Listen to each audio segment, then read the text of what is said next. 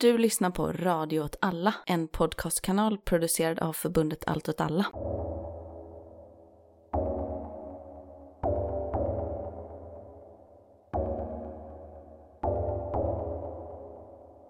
Hej välkomna till Rörelse med mig Martin Hansson. Och med mig Myran Andersson. Idag har vi med oss två gäster till podden. Vi är fyra stycken. Det tillhör inte det vanliga. Och eh, det är den återkommande Sveriges ledande...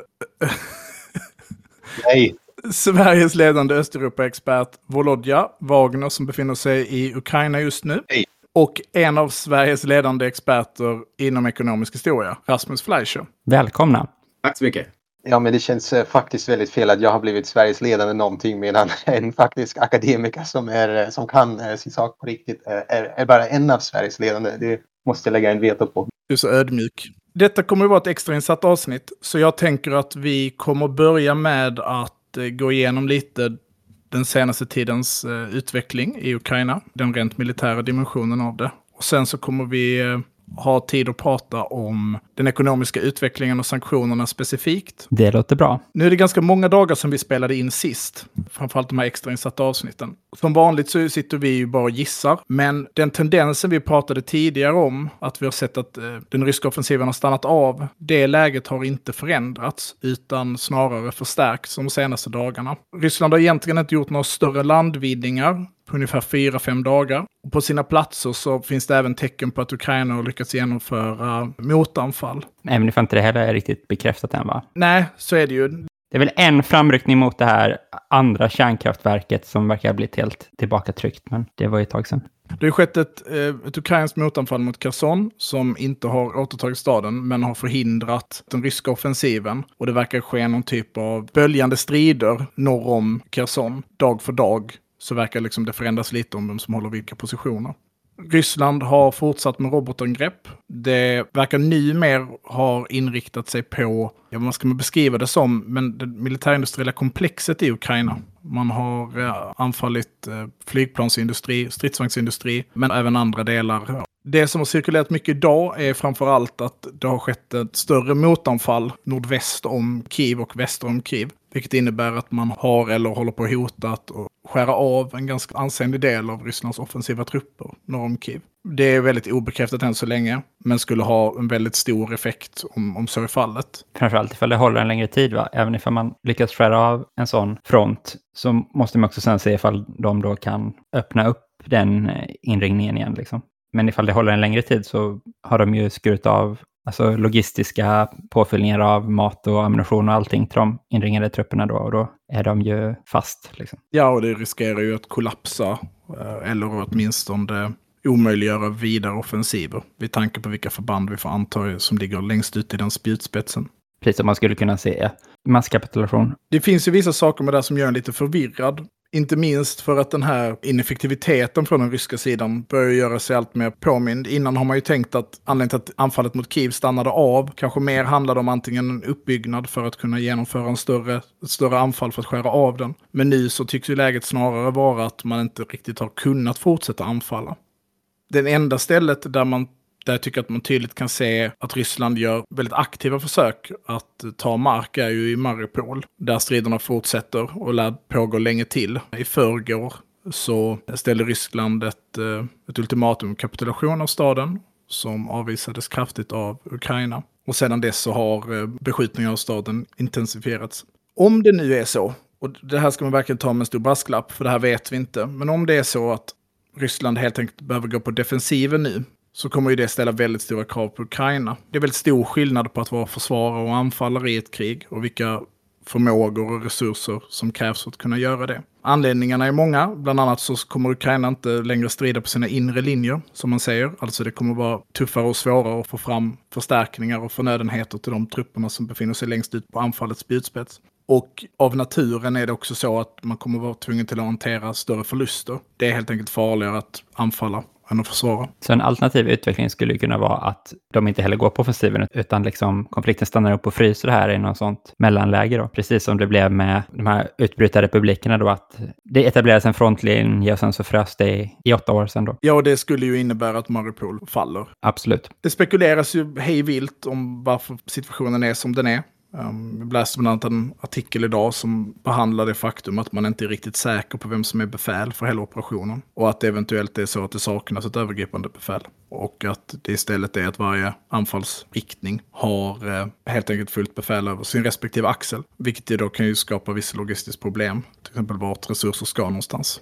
Man ska väl också säga att det kan ju också fortfarande bara vara så att Ryssland har stannat upp och kommer återgå. Särskilt ifall Mariupol faller så kan man ju tänka sig att den fronten börjar röra på sig igen och liksom försöka stänga in Donetsk-fronten i någon ficka. Liksom. Precis. Det skulle ju förändra läget i den östra delen av landet väldigt kraftigt. Vi får helt enkelt avvakta och se hur det utvecklar sig. Det är väl mer att det kan vara viktigt att notera att frontlinjen har stått relativt stilla nu i många dagar. Vilket jag har svårt att se vilket syfte det skulle fylla för Rysslands del. Om det var en, en frivillig. Det verkar heller inte finnas så tydliga tecken på att det sker några större rotationer för band. Vilket ju annars skulle kunna vara en logisk och rationell handling. Att helt enkelt vilja ha in färska trupper.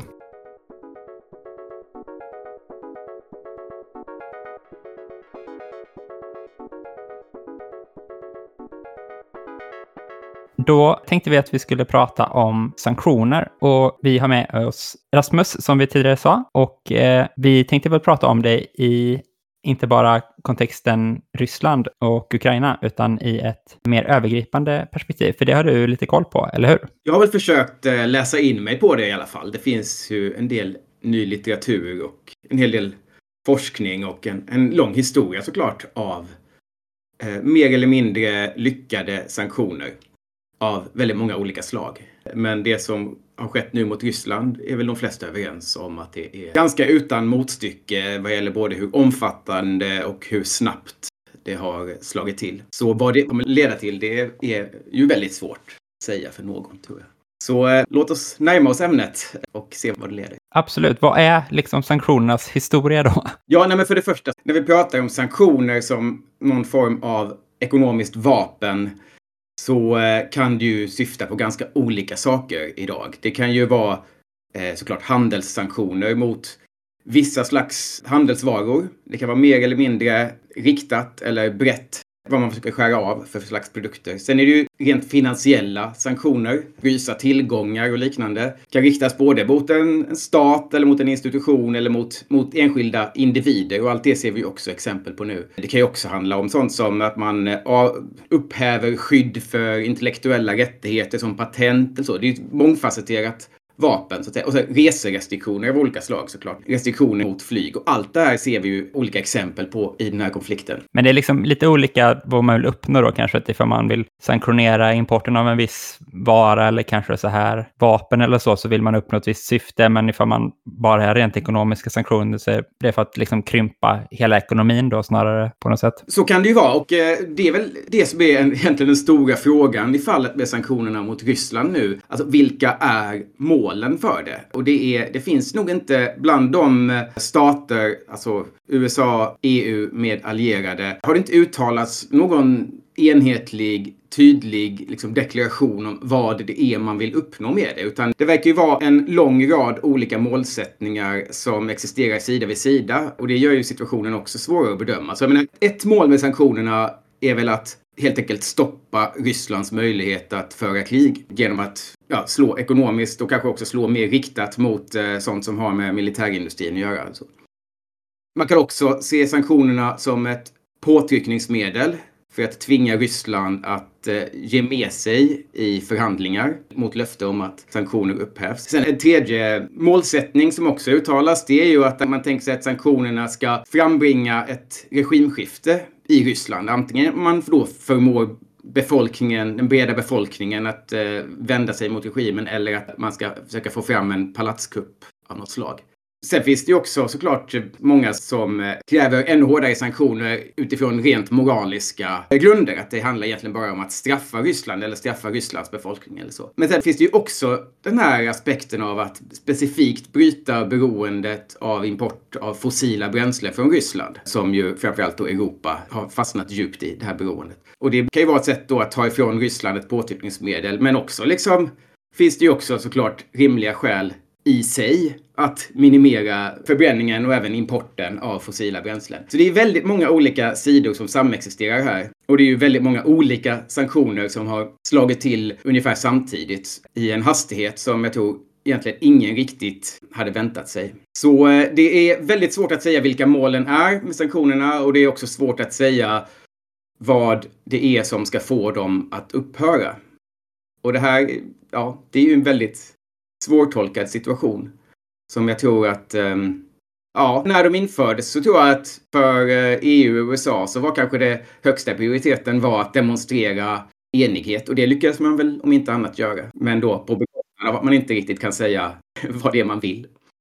Nej, det kanske också är lite bara för att visa sin egen befolkning också att man gör någonting, liksom att man inte är helt passiv. Precis, så är det ju. Och sen ska man väl också, för att eh, förtydliga hela diskussionen, ska vi väl också eh, liksom påpeka det att det är ju inte, när vi pratar om sanktioner med, syftar vi kanske i första hand på statliga sanktioner eller mellanstatliga sanktioner, alltså koordinerade av EU. I vissa fall är det ju FN och sådär. Men därtill så är det ju också såklart en massa företag som agerar utöver det som staterna har beslutat. Företag som drar sig ur Ryssland helt eller delvis. Och det kan de ju dels göra för säkerhets skull, alltså av juridiska skäl, för att de inte vill liksom hamna i någon slags gråzon där man kan anklagas för att bryta mot sanktioner. Men det kan också vara av eh, rena PR-skäl för att eh, man vill rädda sitt, sitt varumärke. Och det är ju väldigt många företag som har dragit sig ur Ryssland utan att de har tvingats till det av några statliga sanktioner. Därtill också finns det ju exempel också på, på mer liksom sanktioner underifrån. Eller man ska säga, vi har ju till exempel Svenska Hamnarbetarförbundet som ju har då utlyst blockad mot eh, ryska lastfartyg i samråd med deras fackliga kollegor i, i Ukraina. Också hört om lantbrukarorganisationer i Georgien som vägrar exportera mejeriprodukter till Ryssland eh, trots att eh, regeringen har sagt att man, man ska fortsätta handla och sådär. Så det, det, finns verkligen flera aspekter av det. Mm. Men du sa att det hade kommit ny forskning och sånt eh, som handlar just om liksom, sanktioner historiskt och vad det har haft för effekter och så. Vill du berätta lite mer om, om den? Ja, precis. Det har ju kommit en ny, väldigt vältajmad bok då av en amerikansk historiker som heter Nicholas Mulder. Den heter The Economic Weapon och handlar väl då om hur eh, ekonomiska sanktioner blir ett stridsmedel i, inom den moderna krigföringen ungefär senaste hundra åren, eller från första världskriget och framåt. Och eh, den har blivit väldigt uppmärksammad. Jag har inte hunnit läsa den i sin helhet, men ändå hunnit titta lite grann och ta del av en del av argumenten. Och det man kan säga att han, Nicholas Mulder, gör, det är att han, han lyfter fram vad han ser som en paradox. Alltså att å ena sidan, han lägger ganska mycket fokus på åren efter första världskriget, mellankrigstiden. Det var ju då också som Nationernas förbund inrättades och i Nationernas förbund fanns det en väldigt stor tilltro på att ekonomiska sanktioner skulle kunna vara ett alternativ till väpnad konflikt. Så å ena sidan så har man under lång tid då sett ekonomiska sanktioner som ett sätt att förebygga krig. Men samtidigt finns det också en, en tanke på det som en form av krig, fast som förs då med ekonomiska medel istället för med militära medel. Och slutsatsen någonstans hos Nicholas Mulder blir väl att sanktionsvapnets eh, utveckling de senaste hundra åren har bidragit till att luckra upp gränsen mellan krig och fred. Så att det är svårare nu att säga vad, när det är krig och ja, när, när man passerar gränsen från fred till krig, så att säga. Just det. En annan reflektion är att, att man kanske tänker sig att all handel alltid ska upphöra i krig. Liksom. Det är ändå någon föreställning man har, men det är, finns ju ändå mycket märkliga exempel på hur handel har fortgått mellan nationer som varit i krig med varandra. Och vi har väl pratat om det förut här i podden, liksom, men att man till och med under andra världskriget så betalade man liksom pengar man var skyldiga Nazityskland för typ patentlagstiftning och sådana saker för att man inte skulle bryta liksom eh, sina ekonomiska åtaganden. Och det är ju, det är på något sätt eh, sanktionens motsats då, liksom att eh, krig och handel är två liksom skilda sfärer som inte behöver påverkas av varandra. Ja, precis. Men verkligen, det är ju det totala kriget. Det är ju aldrig helt totalt, utan det är, det är någon slags eh, flytande skala får man väl säga.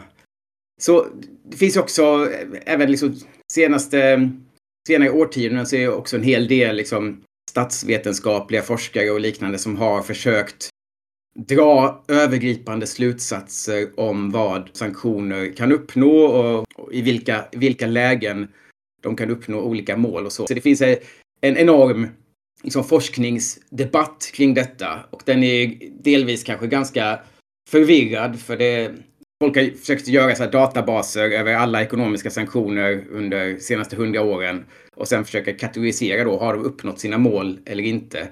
Men eh, ofta är det ju inte helt lätt att säga vilket som var målet. Att man försöker räkna liksom kvantitativt på det då liksom och få fram data på det sättet och kunna liksom slå fast vad som är effektivt och inte.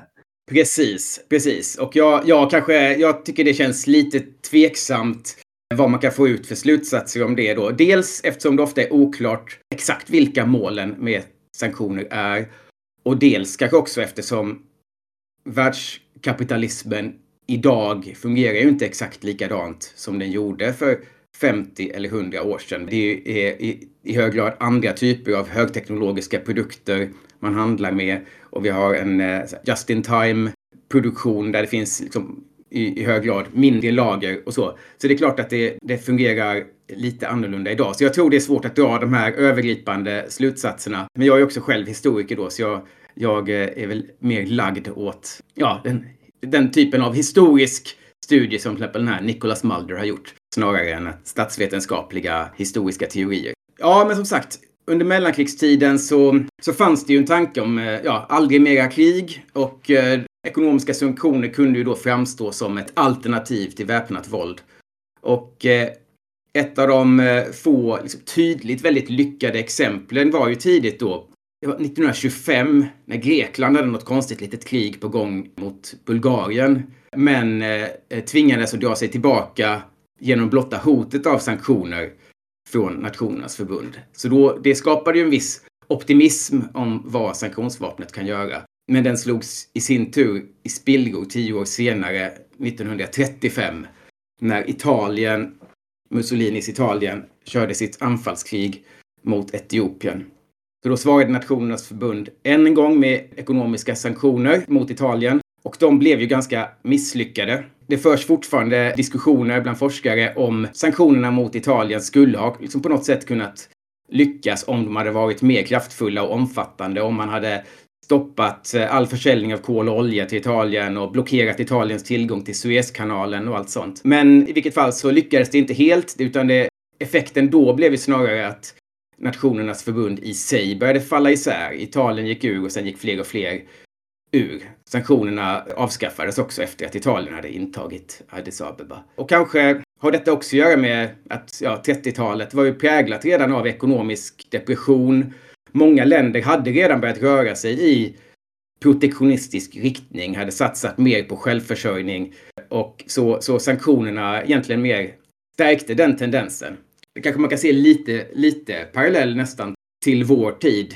Där ju eh, de här protektionistiska tendenserna har ju funnits i, i världsekonomin även under de senaste tio åren. Trump eh, är såklart ett exempel, men också hur eh, Ryssland som svar på, alltså när, efter att Ryssland annekterade Krim och så vidare 2014 så infördes ju en del sanktioner mot Ryssland, vilket Ryssland ju besvarade med att satsa mer på att vara självtillräckligt på olika plan för att liksom vara mindre sårbart för sanktioner.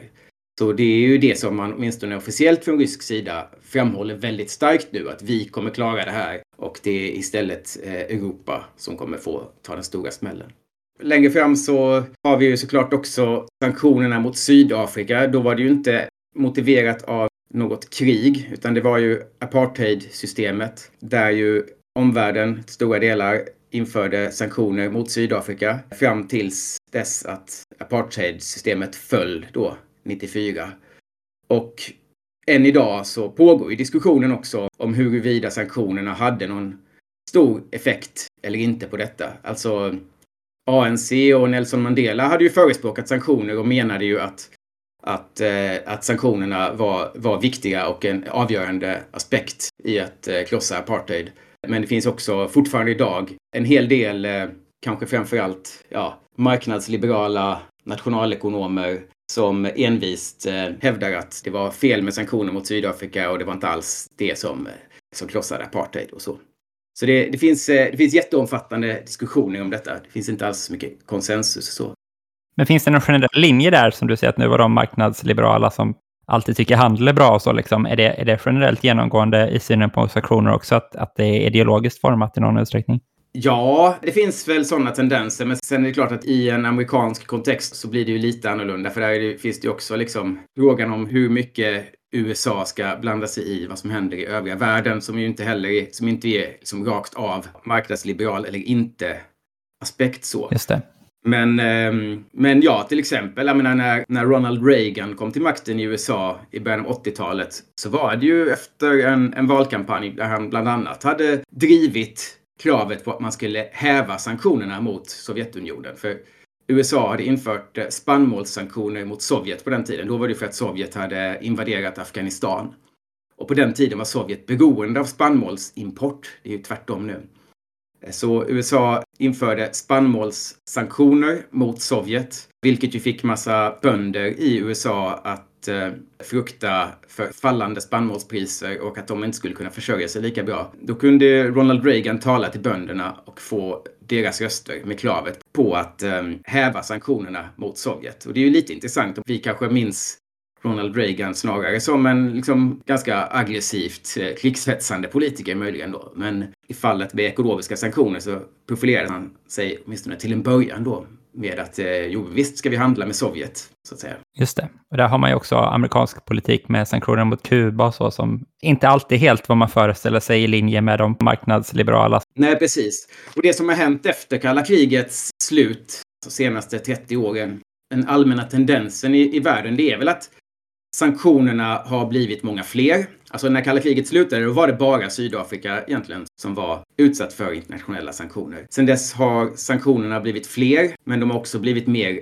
riktade, i alla fall i teorin. Alltså att det inte är, det inte, handlar, inte, har inte handlat om några totala handelsembargon eller så, utan man har åtminstone framställt det som att man eh, i många fall då att det bara är vissa typer av produkter eller man kanske också som i många sanktioner mot Ryssland att man riktar in sig på enskilda individer eller enskilda företag och så. Så eh, sanktioner har ju verkligen fått ett, ett uppsving som stridsmedel under senaste 30 åren, alltså efter kalla krigets slut. Och de används också i fler syften och det diskuteras ju också att man ska använda dem i ännu fler syften. Alltså bara, om man, bara om vi tar senaste åren så har ju till exempel WHO föreslagit att man ska i framtiden kunna införa ekonomiska sanktioner mot länder som då kanske inte offentliggör ett utbrott av en pandemi. Så det ska vara liksom, eh, ja, folkhälsomotiverade sanktioner. Och i USA så har ju liksom Demokraterna också drivit linjen att man ska använda ekonomiska sanktioner för att få igenom en klimatomställning av andra länder. Så att man ska tvinga länder att klimatanpassa sig mot hot om handelssanktioner. Det är ju såklart bara förslag, de har inte gått igenom. Men eh, det har funnits en tendens i några årtionden nu alltså om att man har haft en en stor tilltro till sanktionsvapnet och vad det, vart det leder får vi väl se. Jag menar samtidigt så är det här en tid där sanktioner såklart har skördat jättemånga dödsoffer. Det ju, går ju all, aldrig kanske att eh, kvantifiera helt och hållet, men vi vet ju att till exempel FNs sanktioner mot Irak under Saddam ledde till dubblerad barnadödlighet där. Och ja. även senare år i Iran under coronapandemin så var det väldigt många tusen fler, om man räknat fram då, som dog som direkt följd av sanktionerna. Verkligen, det är ju någonting man kanske ska poängtera, liksom hur sanktionsvapnet ofta slår mot liksom, den civila befolkningen som inte är ansvarig för det som landet gör. Liksom. Ja, människor kommer ju dö i Ryssland också. Det är ju ingen tvekan om saken. Så kommer det bli. Vi kommer till det snart. Jag tänker ju att man har använt sanktioner som ett eh, motmedel mot eh, eller som ett typ av krigsmedel eller påtryckningsmedel mot flera nationer. Du nämner ju Iran till exempel, men även Syrien under fruktansvärt hårda sanktioner just nu. Och jag tycker inte egentligen att man kan se att det har någon direkt effekt på hur de länderna liksom klarar av att upprätthålla sin, sin funktion som stat.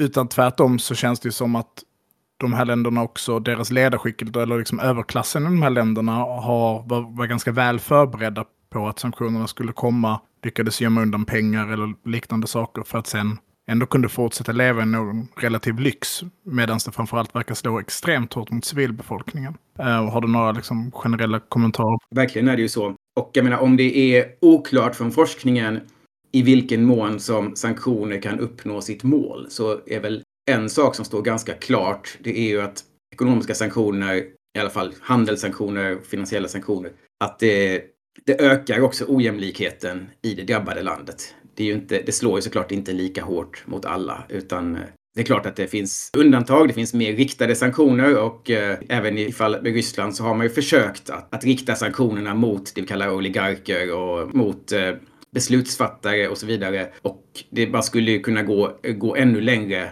i den riktningen säkert, alltså med riktade sanktioner mot de superrika i Rysslands elit. Men eh, mer breda sanktioner slår ju hårdast mot den, ja, vanligt folk. Ja, och det finns väl också en anledning till att man inte riktar sanktioner mot de superrika så, och det är väl klassolidariteten mellan superrika i andra länder, i väst då framförallt. Jag läste någon som pratade om att ett sätt som man skulle kunna öka sanktionerna mot eh, Ryssland väldigt kraftigt hade varit att införa något internationellt register över ägande och kapitaltillgångar. Liksom. Men det kommer man inte lyckas göra för att det motsätts ju alla överklassen i väst. Liksom. Att det ska finnas någonstans där man kan se vem som har pengar på vilka skatteparadis och liksom vilka som äger stora, till exempel då fastighetstillgångar i London och sånt. Liksom att ifall man skulle sammanställa allt sånt internationellt så skulle man ju lättare kunna stoppa de transaktionerna med de tillgångarna mellan de här ja, oligarkerna i Ryssland då, eller till och med det liksom skiktet som är under de rena oligarkerna liksom på något sätt, men de som bara är riktigt rika. Ifall man hade ett sånt eh, system så skulle det antagligen kunna sätta mycket mer punktpress på liksom de som verkligen också skulle kunna påverka eh, Kremls beslutsfattande. Men där argumenterar man i alla fall för att det görs inte, för att då skulle man ju också kunna sätta dit massa eh, skattesmitare och annat fuffens i västvärlden och så. Ja, och det skulle väl säkert sätta en hel del banker och finansiella institutioner i inte helt fördelaktigt ljus om de skulle tvingas öppna sina böcker och visa vilket riktigt smuts de har hållit på med i år efter år när de har hjälpt, hjälpt eh, ryska kleptokrater att, att gömma sina tillgångar och så vidare. Eh, Volodja, jag tänker du som ändå har viss insyn i, i vardagslivet i, i ehm, östra Europa. Har du några liksom, reflektioner hur man kan se att det har påverkat idag eller hur sanktionerna och det ekonomiska läget i Ryssland, hur det utvecklas just nu? Alltså, jag tror i och med att det är så, eh, men i och med att det, att det inte har förekommit den typen av sanktioner så eh, är det ju många experter som håller på att spekulera i vilken effekt det kommer att ha. Jag tror inte man har riktigt sett, eh, eller det är liksom bara början nu. Det finns ju lite sådana här anekdotiska rapporter om eh, sådana här ruscher till att folk i, i Ryssland håller på att köpa upp socker och sånt eh, till den utsträckning att man har gått ut officiellt och sagt att ta det lugnt med sockret, vi har tillräckligt med socker. Så det finns ju i alla fall en viss panik i befolkningen över att vissa saker ska ta slut. Men eh, jag tror ju inte riktigt att det har eh, egentligen riktigt börjat eh, verka än. Men eh, och här kanske, eh, eller Rasmus du var kanske på väg dit själv, men de som har försökt sig på att spekulera på, spekulera kring eh, vad det kan ha för effekter här i längden så eh, är det ju väldigt, väldigt eh, historiskt det som eh, väntas liksom. Nej, jag vet inte. Jag tror bara att eh, det som kanske man har märkt allra först nu, kanske alltså det som Rysslands befolkning eller ryska medborgare har märkt allra först, tydligt det kanske inte har varit effekten av de liksom, statligt beslutade sanktionerna. Utan allra först har man nu märkt effekten av eh, de beslut som enskilda företag har fattat på egen hand. Dels såklart allt sånt här, liksom att eh, ja, Netflix drar sig ur Ryssland och sånt där. Men liksom, mer substantiellt så har vi ju såklart då att detta att, eh, att Visa och Mastercard drog sig ur Ryssland. Det har ju såklart påverkat inte minst alla de oppositionella ryssar som har flytt Ryssland till Georgien eller Finland eller vad som helst och som nu märker att de inte kan eh, komma åt sina eh, besparade tillgångar eh, för att deras bankkort inte funkar. Så det är ju ett, det är ett typexempel på en oönskad effekt. Men sen då såklart har vi ju världsmarknadseffekterna som vi inte har kommit in på inte ännu, men det gör ju saker med eh, inte minst livsmedelspriserna som kommer få enorma konsekvenser runt om i världen, framförallt i länder som är beroende av importerat eh, ja, spannmål från Ryssland och Ukraina. Ja, men precis som du var inne på tidigare Rasmus, att, att det är liksom spekulativt vilka effekter det här kommer att få, så känns det ju också som att när man sätter en sanktion på Syrien till exempel, som trots att de har vissa naturresurser som kan vara ganska viktiga för världsmarknaden, så är inte det riktigt samma sak som att sätta sanktioner på Ryssland. Även om Rysslands ekonomi i sig inte är en jättestor del av världens ekonomi, så är ju många av de tillgångarna de har det. Och att Kinas förhållningssätt till de här sanktionerna också känns som att det spelar ganska mycket roll. Hur tänker du att det här påverkar liksom det generella ekonomiska läget i världen och vilka, liksom, vilken utveckling ser du framför dig kan ske? Jag tänker kanske framförallt på, på två sidor av det. Den ena mer då finansiell och den andra mer materiell. För innan, eller när, precis när de finansiella sanktionerna mot Ryssland infördes, då var det väldigt mycket snack om att detta skulle kunna slå tillbaka eller slå slint på så vis att Ryssland istället liksom kopplar in sitt finansiella system mot Kina så att liksom istället blir det Kinas betalningssystem och kortutfärdande banker och så vidare som tar över liksom. Och jag vet inte, det kanske händer i någon mån eller kommer hända, men hittills så tycker jag det, in, det, det har inte riktigt skett. Men det är en intressant spekulation i alla fall, en, kanske fortfarande en möjlighet, det vill säga att detta skulle leda till att Kina får en, en ökad makt över Rysslands finansiella infrastruktur. Och i förlängningen också såklart att Kina då, låt säga om 10-20 år, att då är det ju Kina som har möjlighet att införa finansiella sanktioner mot Ryssland om de skulle vara intresserade av det. Men det är ju väldigt spekulativt. Det som självklart håller på att hända och som kommer eskalera är jag övertygad om, det är ju framför allt vad som sker med priserna på energi och på livsmedel. Och de tenderar ju också att följa varandra, för livs vi äter ju fossila bränslen i praktiken. Eh, jag menar, spannmålsproduktionen är ju helt beroende av både konstgödsel, som i sig är fossila bränsle, och av eh, ja, ja, traktorbränsle och allt sånt här. Plus då att Ukraina i hög grad skärs av från världsmarknaden. Och Ryssland och Ukraina har ju blivit världens två största exportörer av vete och eh, de stora importörerna finns ju i länder som Egypten, Turkiet. Mellanöstern, Nordafrika är ju generellt väldigt beroende av importerat spannmål för att människor ska få ja, sitt dagliga bröd. Och eh, arabiska våren 2010-11, det började ju med tydliga hungerkravaller protester mot eh, minskad levnadsstandard och ökade matpriser. Och det är väl inte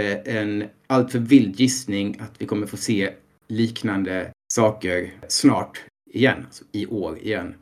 Så jag tror att eh, verkligen, alltså Egypten till exempel skulle kunna bli nästa krutdurk. Det kommer slå väldigt hårt mot människor där. Och sen är det klart att det slår ju även mot, mot Europa och vi har ju liksom hela drivmedelsfrågan som eh, seglar upp på nya sätt nu. Så det, detta kommer ju prägla politiken i och liksom sociala rörelser och, och så vidare i väldigt stora delar av världen under närmsta tiden. Ja, och det väcker ju också de här frågorna som vi diskuterat tidigare i podden, som är, ja, och som ni nämnde tidigare, hur föreställer vi ett scenario där västvärlden säger att det är dags att lätta på sanktionerna? Vilka krav kommer att ställas för att den eftergiften ska kunna ske? Och det har jag väldigt svårt att se i, i dagsläget.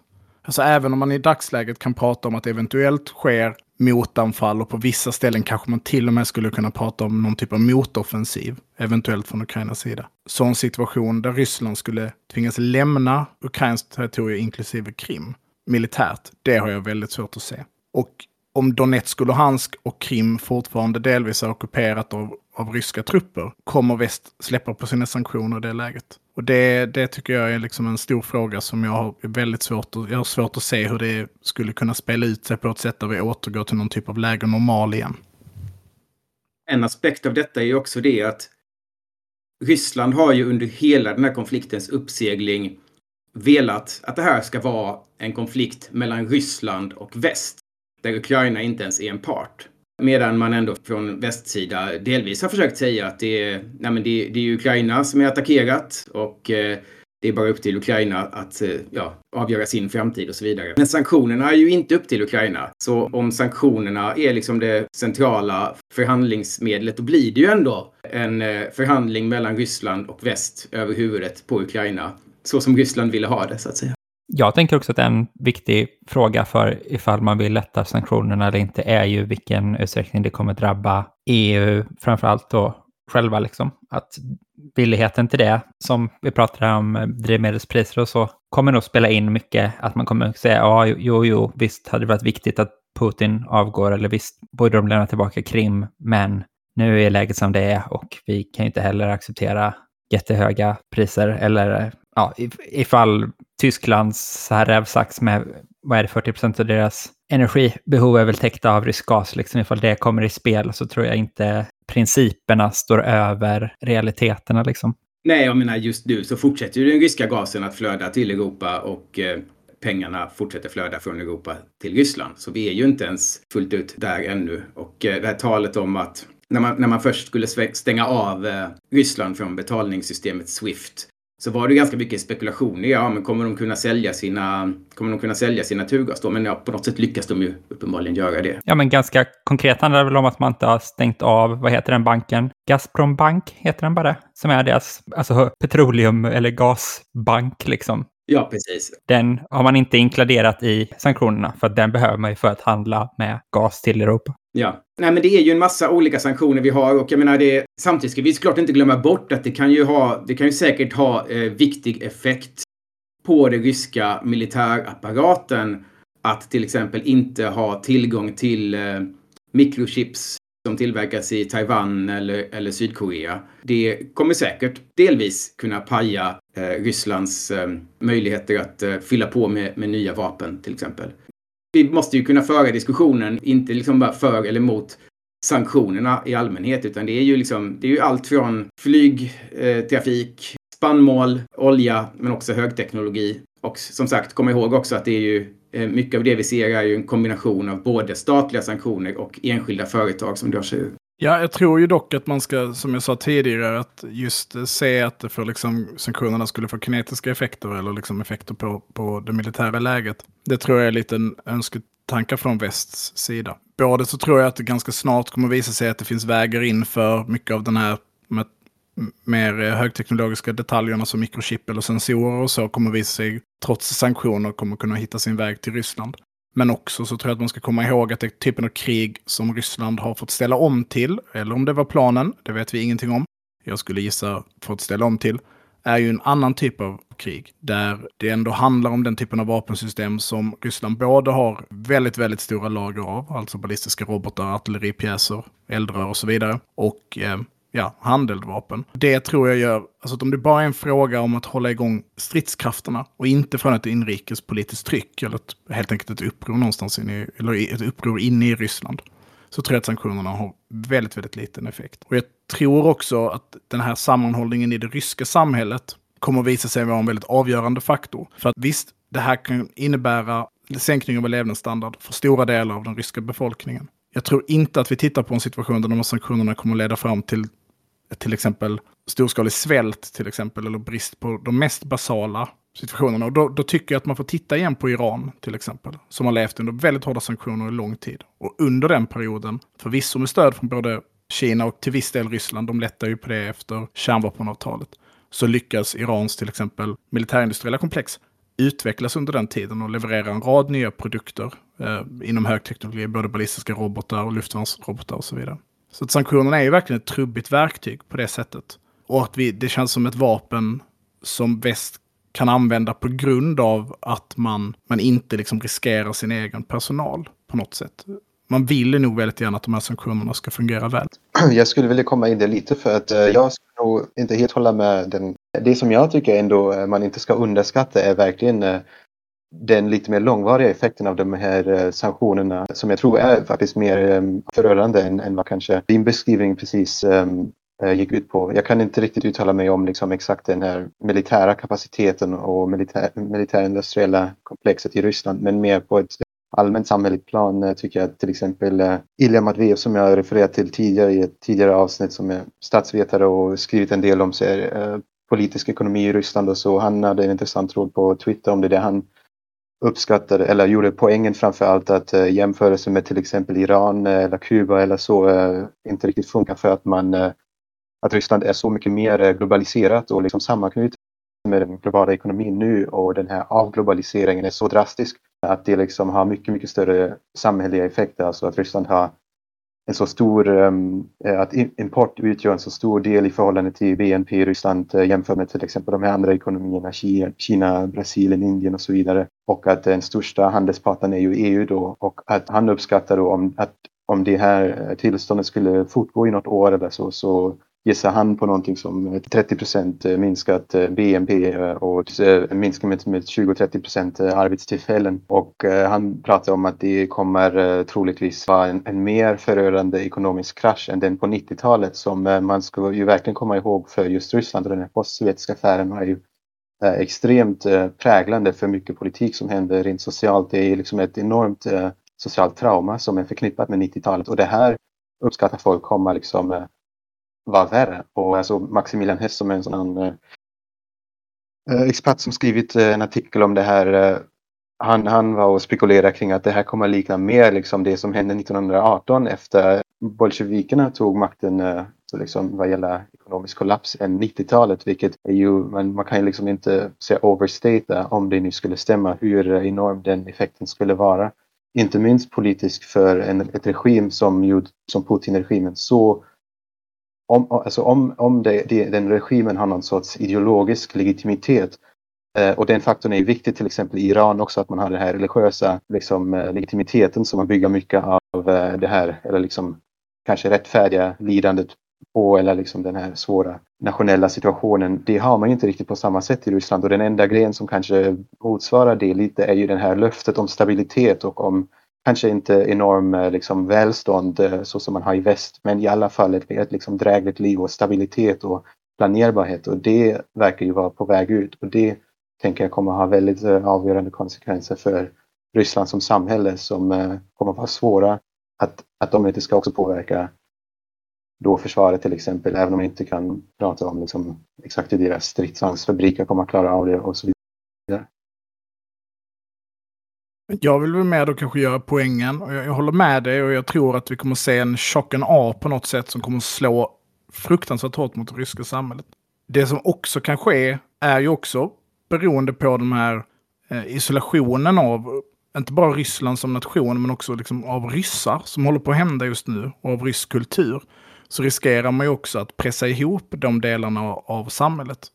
Jag skulle säga att en stor anledning till att Iran fortfarande hålls samman absolut, religionen spelar en viktig roll i det, men den viktigaste rollen är ju också den pressen landet upplever.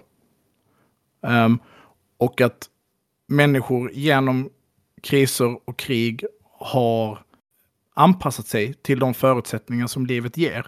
Och även om det nu många månader kommer kunna vara fruktansvärt hårt för Rysslands befolkning, så kommer man liksom anpassa sig igen. Och jag säger inte detta med att, att effekterna på något sätt skulle vara små, utan tvärtom, jag tror att effekterna kan vara otroligt hårda. Men på samma sätt som jag tror att Ukrainas befolkning kommer kunna anpassa sig till den situationen som sker just nu, så tror jag att det också finns i det ryska samhället. Visserligen att det, det inte går att liksom, eh, det finns eh, ingen säkerhet som man kan eh, prognostisera med exakt vad de här sanktionerna kommer att ha för effekt samhället på det sättet politiskt, det håller jag med om. Men eh, bara att man inte ska glömma hur eh, liksom, förödande och vilken stark eh, effekt det kommer att ha liksom, på på vardagslivet tänker jag. Mest bara det, utan att man kan veta sen vad det leder till inrikespolitiskt. Liksom.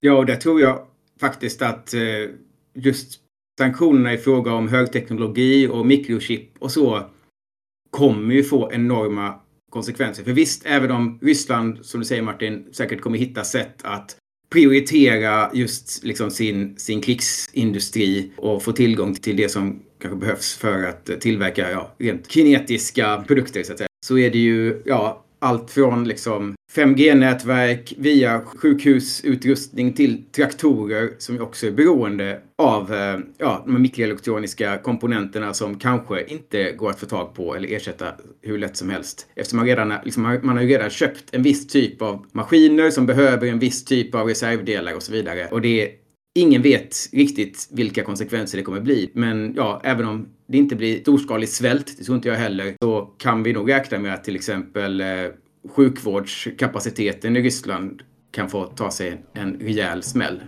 Vilket också kommer skörda människoliv.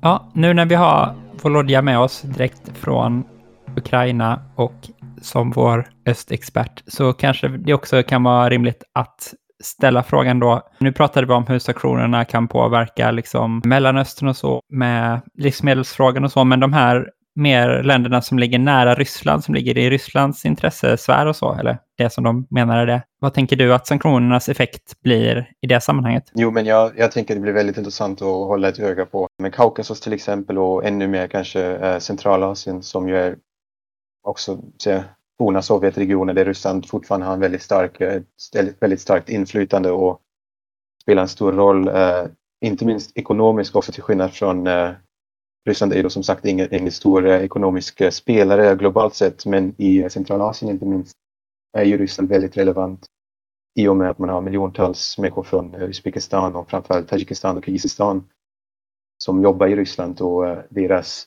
remittances, alltså pengarna de skickar hem utgör ju en betydlig, betydande del av BNP i de länderna, framförallt Tadzjikistan och Kirgizistan som båda två är redan väldigt instabila som som länder och man har ju sett en del alltså, revolutioner i Kirgizistan eh, flera gånger och sammandrabbningar mellan eh, Tadzjikistan och Kirgizistan eh, och så vidare. Och om man då nu har miljontals eh, män i framförallt, eller också alltså, både män och kvinnor eh, i, i arbetande ålder som antingen är kvar i Ryssland och inte kan eh, tjäna pengar där eller många av dem håller ju på att återvända nu. Det var ju någonting man såg också efter Krimannekteringen och den dippen i ryska ekonomin till följd av sanktionerna redan då som ju kommer att vara mång, mångdubbelt äh, större nu med de här enorma sanktionerna. Då kan man ju vänta sig äh, en hel del äh, fallout så att säga på de länderna och ekonomierna, vilket i sin tur sen kan tänkas sannolikt leda till en del spänningar och oroligheter eller instabilitet i den regionen där Ryssland då kanske får nya huvudvärk. Inte nödvändigtvis att det skulle rikta sig just mot Ryssland som som en riktig eh, spelare i regionen. Att regimerna själva där kommer att ha en del utmaningar att hantera eh, som jag tänker kommer att vara väldigt, eh, ha väldigt långtgående konsekvenser. Någonting jag tänker på är ju att trots liksom att man får säga att de här konsekvenserna för liksom de vanliga människorna i alla länder som direkt och indirekt drabbas av det här liksom sanktioner och så är ju hemskt. Men för man ska liksom hoppas på någonting så är det ju ändå att det skulle kunna vara en utveckling i stil med arabiska våren, liksom att man ser folkliga protester som leder till förändringar. Nu i de flesta fall i arabiska våren så gick det i slutändan på röven, liksom, men det finns ju några positiva exempel ändå och så. Och att liksom krissituationer på något sätt kan ju också leda på sikt till en förbättring. Liksom. Och att för man ska försöka hoppas på någonting i alla fall, även om det inte känns så realistiskt, så är det väl att det skulle kunna bli en följd. Liksom. Ja, det kan man väl eh, hoppas på och eh, det hoppas jag verkligen eh, kan, kan ske någon sorts positiv förändring i den stilen. Men jag vet inte om jag, om jag tror på, på det så jättestarkt. Men alltså det går ju inte heller att veta det, tycker jag är för spekulativt.